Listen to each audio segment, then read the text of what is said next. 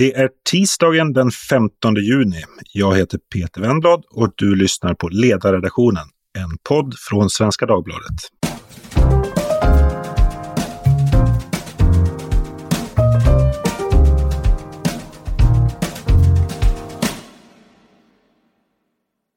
Idag ska vi prata om framtiden för svenskt skogsbruk. Om det finns en sån. För just nu är svensk skogsnäring satt under hårt tryck. Enligt EU-kommissionens förslag på så kallad taxonomi så kan mycket av svenskt skogsbruk klassas som miljömässigt ohållbart i framtiden. Stora mängder ytterligare skog måste skyddas om Sverige ska leva upp till internationella åtaganden om biologisk mångfald. Och vi har flera utredningar som föreslår ökade inskränkningar och skyldigheter för skogsägare. Och konfliktnivån är hög i både den mediala och politiska diskussionen om skogen. Eh, och som utomstående så är det ibland lite svårt att förstå varför tonläget är så högt, vad, vad den här skogspolitiska striden handlar om egentligen och vad alla politiska förslag faktiskt innebär för såväl den enskilde skogsägaren som samhället i stort. Så att eh, för att bli guidad i den här politiska snårskogen så har jag in, bjudit in två gäster. Den första är Lars Thomsson som är skogsägare på Gotland men också riksdagsledamot för Centerpartiet. Och den andra är Edvard Hollert som är agronom och ledarskribent på Lantbrukets affärstidning ATL. Varmt välkomna båda två! Tackar! Tack så mycket! Eh, Lars, du är som sagt både skogsägare och riksdagsledamot. Men ditt skogsbruk, beskriv, hur ser det ut? Ja, men jag har ju en gård som vi har haft i eh, ja, tio generationer ungefär, 100 hektar eh, skogsmark och 100 hektar åkermark. Eh, och det, har man 100 hektar så innebär det i praktiken att man kanske hugger var femte, var tionde år. Eh, och vi försöker hålla någon sån här jämn eh, avverkning så att det blir utspritt eh, över åren helt enkelt. Om du försöker både beskriva liksom din egen tillvaro och, eh, och eh, vad säger, andra skogsbruk. Vad, vad innebär det att vara skogsbrukare? Vad är det man gör? Det innebär att man tänker på kommande generationer. Det är egentligen det man gör. Man, man agerar extremt långsiktigt och ansvarsfullt för att man inser att det man gör nu, det är min barn och min barnbarn som ska ta hand om. Eh, Lönsamhetsmässigt så är det egentligen en plus minus noll affär. Det är därför skogsmark utan någonting på är i praktiken noll värd. Eh, det blir som en bank, man plockar ut det från uttaget när man hugger men man, noll, det är ett nollsummespel ekonomiskt med, med, på Gotland tack vare att det är så pass låg tillväxt. Eh, så det, det är vad man gör. Man, man hugger när det är färdigt, sen återplanterar man och, och röjer och gallrar och, och så har man cykel på 80 till 100 år på Gotland. Det är det stor skillnad mot bonde. Jag är bonde också. Då, då skördar man efter sex månader här, skördar man efter 100 år. Men är det i grunden liksom egentligen samma logik att vara lantbrukare och skogsbrukare? Man, man odlar och skördar? Absolut, eh, så länge bonden får styra. Men när tjänstemän och, och teoretiker kommer in så fattar man inte att man faktiskt måste skörde det, som man också har planterat i skogen. Då kommer så många andra hänsyn in eh, som är rätt teoretiskt och blir därför felaktiga. Ja, vi, vi får återkomma till det om en liten stund. Eh, Edvard, du har ju varit eh, engagerad i de här eh, frågorna länge och mycket. Eh, om vi tar den då lite mer abstrakta nivån. Eh, det som jag nämnde i inledningen är just den här så kallade taxonomin, alltså det är en slags begreppsapparat för vad som ska klassas som hållbart och inte. Den här statliga skogsutredningen som kom före jul var det och artskyddsutredningen som kom här för, eh, ja det var väl förra veckan. Mm. Hur skulle svensk skogsnäring påverkas om de här förslagen genomförs? Går allt igenom så kommer ett ord upp i huvudet. Det är katastrof. Eh, men det, det, påverkar ju inte bara skogsbruket det här utan hela samhällskroppen, alla de här initiativen. För det återstår ju att se alltså vad som blir resultatet av alla utredningar, alla initiativ. Men riktningen som helhet, den är glasklar. Människans brukande av naturen ska minska. Människan ska bort från naturen. Det är den starka tendensen vi ser. Det ska förbjudas skogsbruk på än större arealer. Och det, det, tendensen är även att allmänheten ska ges allt större inflytande över vad lantbrukarna får göra med sin mark.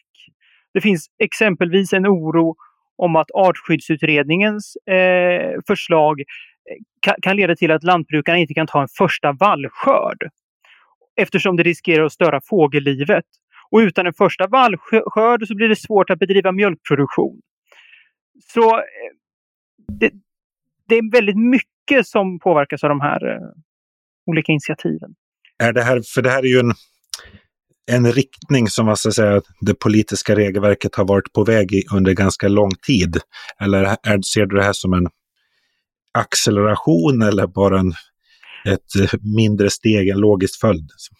Det finns en, sån här, en graf som visar hur reglerat skogsbruket har varit under 1900-talet och då, då går det som, som i vågor, upp och ner, upp och ner. Och det vi verkar vara på väg åt nu är ju ökad reglering. Eh, det vi också kanske ska med oss och det som gör den här tiden speciell nu, det är att de inskränkningar som vi eh, har, kan, har gjort i skogsbruket under lång tid, eh, de kommer, om vi fortsätter i samma takt som tidigare så kommer det snart att bli ekonomiskt märkbart för allt fler. Eh, för att vi har kunnat förbjuda skogsbruk på allt större arealer utan att det har kunnat märkas på det svenska välståndet så att säga. Och orsaken mm. till det här är att skogsbrukarna är duktiga på att sköta sin skog och få den att växa. Så även om den brukade arealen skog minskar eh, så växer det fler träd på eh, den marken som fortfarande kan brukas. En, men, en högre produktivitet helt enkelt. Ja, precis. Men, men det här kan inte täcka upp för det för alltid. Så att när vi fortsätter nu, snart har vi nått den här pucken där det kommer börja märkas på välståndet när vi antingen måste importera skogsråvara eller man måste börja dra ner på husfabriker, skogsindustri, arbetstillfällen, skatteintäkter och liknande. Så det, det är en eh, punkt vi befinner oss på idag. Men eh, Lars, du som eh, då enskild skogsägare. Jag, jag, jag misstänker att du, skulle kategoriseras, kategoriseras som en mindre skogsägare. Eh, på, ja, på Gotland är jag normal. Vi har ett småskaligt eh, skogsbruk. 100 eh, okay. hektar, det, det, är helt normalt här. Ah. Hur märker du politikens närvaro i din skogsbrukarvardag? Nej, men det så håller jag med om det Edvard säger, den analysen eh, delar jag helt. Eh, men om man kan säga, jag som har varit med ett slag, kan jag se svängningarna i politiken från eh, statlig detaljstyrning till mer frihet och nu är på väg mot en, detaljstyrning som faktiskt är helt förkastligt av all skäl. Eh, jag märker det om man tar det praktiska just nu och det är ju att tidigare för 15-20 år sedan då var Skogsstyrelsen, Skogsvårdsstyrelsen, den var en väldigt, väldigt uppskattad myndighet. De hade väldigt mycket information och rådgivning och myndighetsutövning och var kanske den bästa. Nu är de totalt sågade av alla, tycker att de har, har totalt tappat all tillit till Skogsstyrelsen.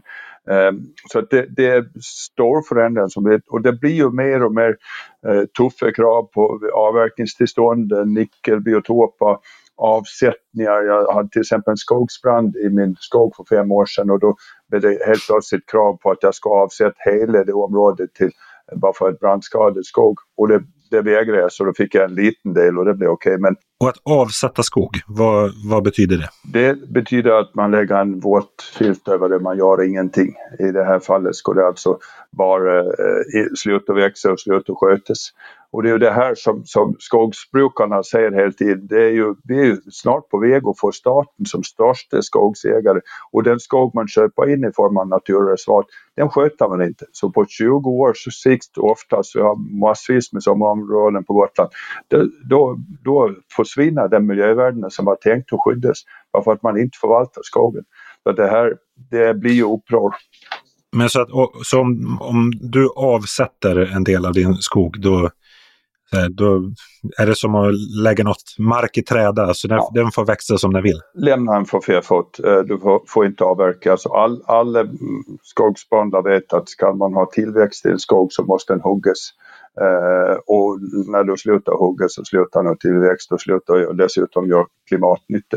Uh, så det, det, är ju mer och mer skog som uh, avsätts för biologisk mångfald i praktiken. Och hur upplever du att din handlingsfrihet har, har liksom förändrats sedan du började? Ja, jag tycker den, den funkar. Nu är jag inte så våldsamt aktiv i och med att jag har så pass småskaligt eh, skogsbruk så att man ser inte det från år till år utan man ser det snarare från decennier till decennier och min, ja, generation till generation. Men eh, det, jag blir mer och mer styrd och framförallt det som den beskrivning som Edvard gör att här blir det ju ännu mycket mer krav från allmänheten, stat och EU om eh, helt absurda pålagor som läggs på. Så att eh, framåt ser kan, det kan du, kan du ge exempel på någon sån uh, absurd pålaga? Ja, det är klart att den utredningen som pekar på att vi ska sätta av mer och mer i, i skogsutredningen, eh, mer områden. Det kommer ju ett förslag på eh, inte så bra Gotland men eh, ändå 500 000 hektar avsättning av fjällnära skog. Det är ju den största förstatligen som har skett någonsin. Trots att utredningsuppdraget var att, att stärka äganderätten så kommer man med motsam råd. Så att eh, det, det, finns många delar där faktiskt utredningsförslagen inte eh, följer det direktivet. Alla de här kraven som, som kommer från politiken och från myndigheterna eh, det handlar ju i grunden om, man kan ju ha synpunkter på hur det görs, men det handlar ju om i grunden om att man försöker så här, värna intressen som ses som samhälleliga. Alltså det kan vara klimat eller biologisk mångfald eller eh, vad det nu är. Um, hur, hur tänker du Edvard? Så går det Alltså, ibland kan det framstå som att den här, den här konflikten mellan liksom skogsägarens egenintresse och det liksom samhälleliga intresset av till exempel biologisk mångfald och skydd av, av hotade arter, att det är oförenligt. Är, är det så? Nej, in, inte alls.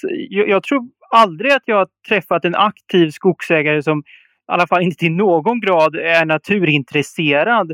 Många tycker det är spännande med eh, fåglar, vad som växer i skogen och det finns också en stolthet för att man har vackra naturmiljöer.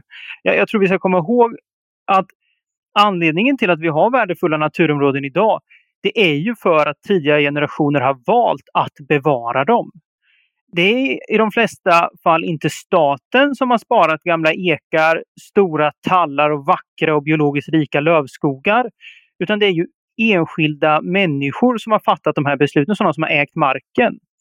Eh, staten har ju inte varit eh, någon garant för natur och miljövård tidigare heller. På 50, 60 och 70-talet var effektivitet och storskalighet det som predikades till skogsägarna från statens sida. Mm. Hyggena skulle vara stora, blandskogar med olika åldrar på träden skulle huggas ner och det skulle planteras nytt. Så det, det, det, är här, det är väl det historiska perspektivet man ska ha med sig att, och, och, den erfarenheten av att markägarna tar gärna ansvar. Jag har ett jättekonkret exempel på det också. Jag mm. pratade med Staffan Danielsson som tidigare var centerpartistisk riksdagsledamot och han berättade om hur hans pappa på 1960-talet fick påhälsning av myndigheterna på gården och de sa åt honom att hugga ner alla gamla stora ekar. Eh, man skulle sätta gran istället, för det var rationellt. Och motvilligt så planterade han gran under ekarna. Han gjorde obstruerade och högg inte ner dem. Idag är granen borta och man tycker att det här eklandskapet är fantastiskt rikt och värdefullt. Så den historiska erfarenheten ger att markägare är intresserade av naturvård och bevara eh, rika miljöer. Sen så vill man ju också ha en ekonomisk avkastning. Men det systemet man har skapat idag är ju riggat för att det ska vara farligt och en ekonomisk risk för markägarna att bevara de här fina miljöerna. Jag tycker att det, det är ju solklart att det finns ingen motsättning mot produktion och biologisk mångfald. Erfarenheten eh, den, sedan 1993 års skogslagstiftning är ju att det går bättre och bättre. Alltså nästan alla kurvor i biologisk mångfald pekar åt rätt håll. Det är bara det att vi sväng, gör de här kraftiga svängningarna för tidigt. För alltså skogsbruk är långsiktig verksamhet. Man, vad, vad, menar du med att vi gör svängningarna för ja, så tidigt? Nu, nu drar vi slutsatsen eh, att vi ska vara på fel väg. När verkligheten pekar, att, om man tar analysen från 93 och framåt, pekar på att nästan allting går åt rätt håll biologisk mångfald. Vi har mer död ved, vi har mer eh, eh, lövträd och, och vi har större andel av det som är värdefullt. Eh, så att eh, vi, vi gör fel insats i fel timing. Men om det nu är, eh, inte finns någon, någon motsättning här mellan det samhälleliga intresset och skogsbrukarens egenintresse, var, varför är det så polariserat? Vad, vad består polariseringen i? Jag tänker att det, det, känns som att skogsdebatten på, brukar ofta sluta i, så, som vi gör i den här podden, vi försöker begripa så här, vad är egentligen grejen? Mm. Och då är den lågt hängande frukten att peka på den här konflikten som finns, biologisk mångfald kontra ekonomisk produktion exempelvis. Men jag, jag tror att skogsdebatten i mångt och mycket bör ses som en klassisk höger-vänster-fråga än någonting annat. Den handlar om principer som det handlar om äganderätten, om den ska värnas eller ej. Den handlar också om i sin kärna vem som anses trovärdig att vårda värdefull natur.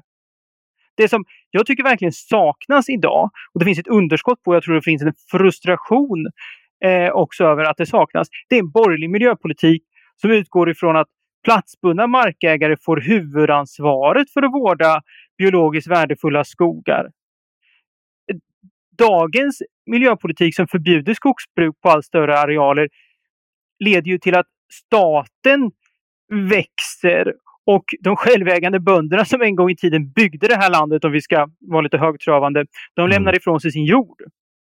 Så det, det finns ju ett, ett underskott också på politikutveckling på det här området. Vad, vad tänker du Lars? Ja, jag delar inte analysen fullt ut. Eh, jag tycker att grunden till varför vi har det höga tonläget på polariserad debatt, det är kunskapsbrist. Eh, vi är väldigt få som börjar förstå eller den klassiska kunskapen hur skogsbruk går till, eh, hur jordbruk går till. Vi är väldigt liten minoritet. Debatten förs väldigt mycket, om jag förenklar, i Stockholm eh, där man har en mer teoretisk kunskap och därmed hamnar man på en helt annan nivå.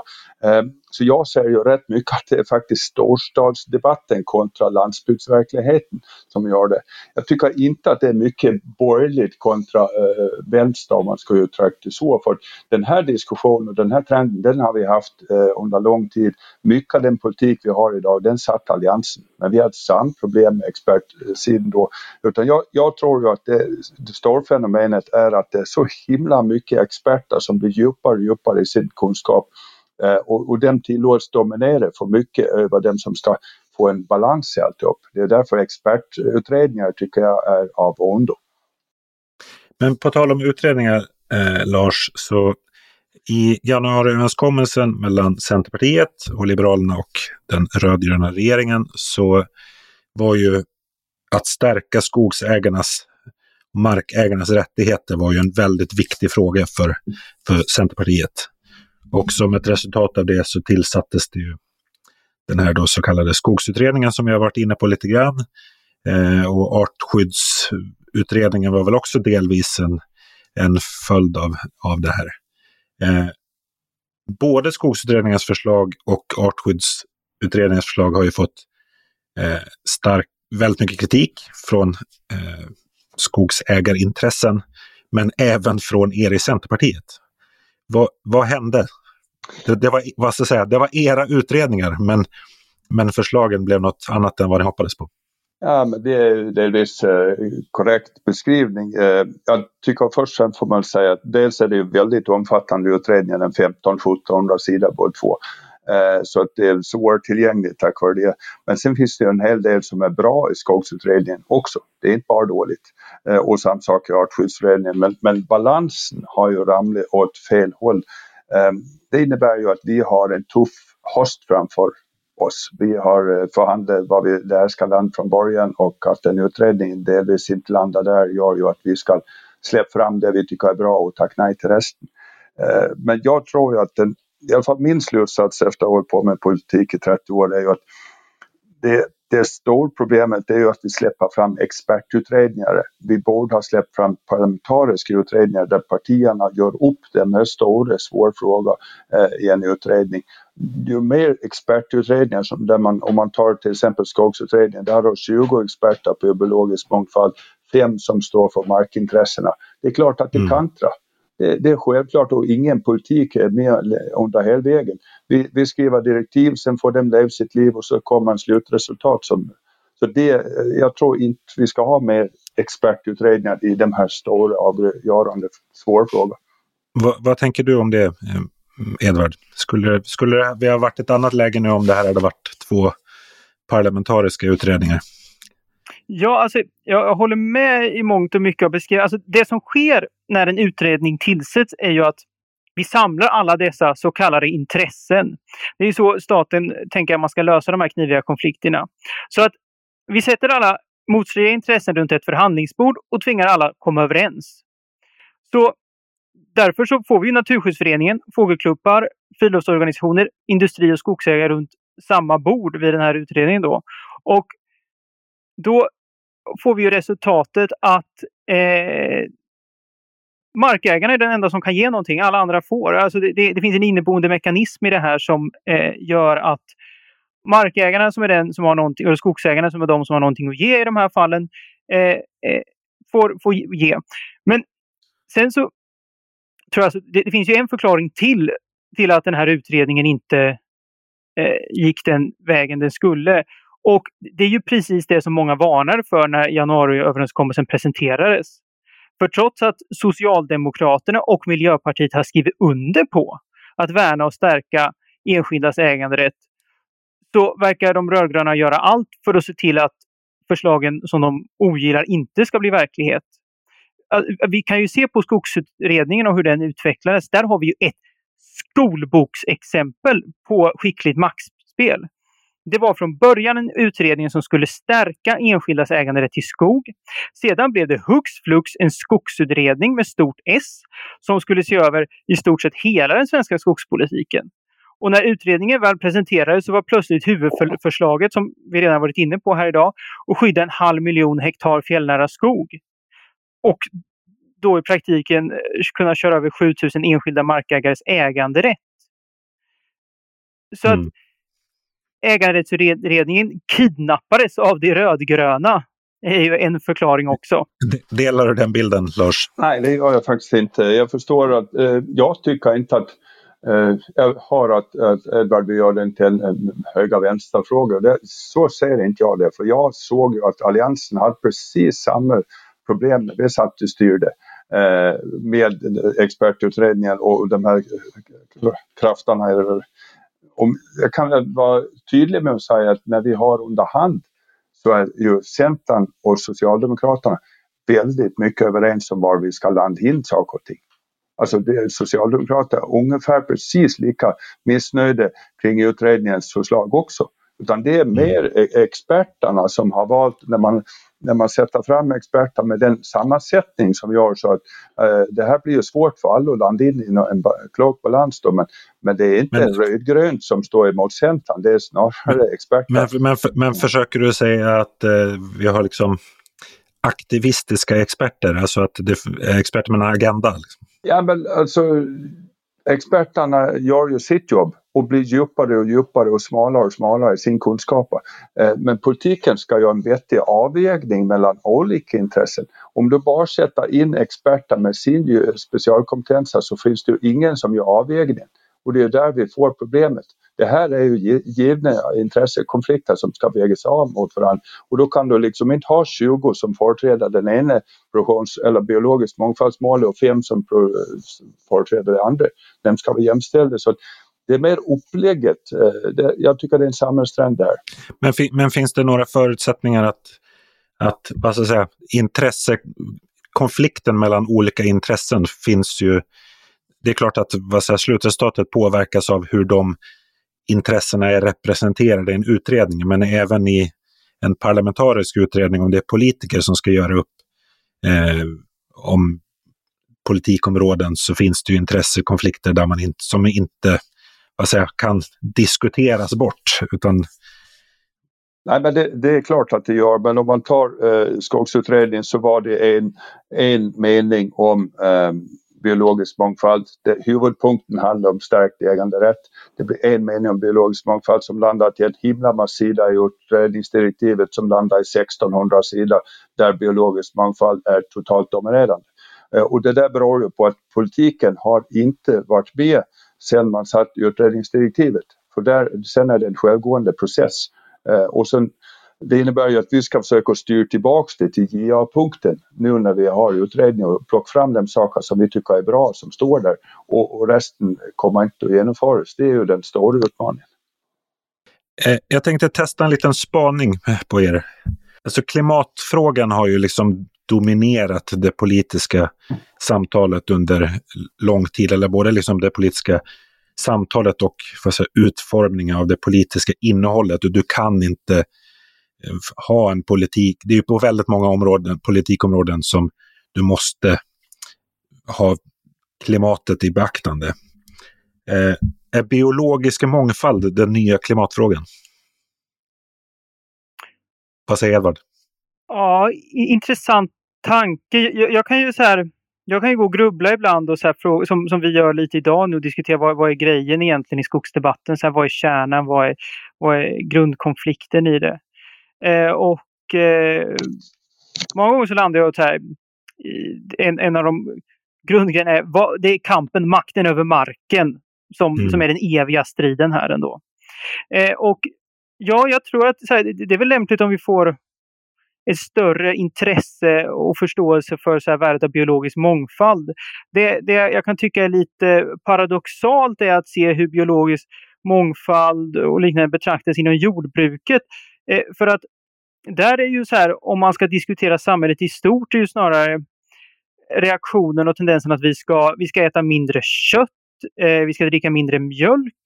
Och det här är ju djur som i Sverige bidrar till att hålla ett öppet landskap. Mm. Eh, och då är så här, konstanten närmast snarare brukandet, att vi ska begränsa brukandet av naturen i Sverige. Va, vad tänker du Lars? Ja. Biologisk mångfald, är det nya klimatfrågan? Alltså ur ditt... Alltså, du som ledamot i riksdagen, ser du att liksom biologisk mångfald är en, en sån här fråga som kommer på fler och fler områden? Absolut seglar den upp, men jag tycker det är extremt fel slutsats. Jag är ju en miljö och klimatdriven politiker sedan 30 år. Uh, I min värld är ju klimatfrågan alla dagar i veckan mer prioriterad än biologisk mångfald. För att det största hotet mot biologisk mångfald det är klimatförändring. Om inte hela den då tappar vi typ 40% av alla arter. Men jag har ju andra som säger att vi har en eh, klimatkris och en naturkris. Eh, jag mm. tycker ju att man verkligen ska prioritera klimatfrågan för det är den som är bråttom. Vi, vi vet att vi har haft 217 döda eh, arter i Sverige. Eh, eller kanske vi får leva med i förhållande till vad klimatkrisen kommer att göra. Just nu bromsar vi klimatinsatser väldigt mycket, till exempel i skogen, bara för att vi tar naturhänsyn. Det tror jag inte vi har tid med. Jag tolkar det som att du, du menar att liksom, ibland så får biologisk mångfald stå tillbaka om vad så säga, klimatnyttan är, är bättre. Skulle jag prioritera, skulle jag prioritera så hade jag satt åtgärder som nummer ett för alla andra naturåtgärder och miljöåtgärder. Det måste vara övergripande i, i hela vår samhällssyn just nu. En, en sista spaning då.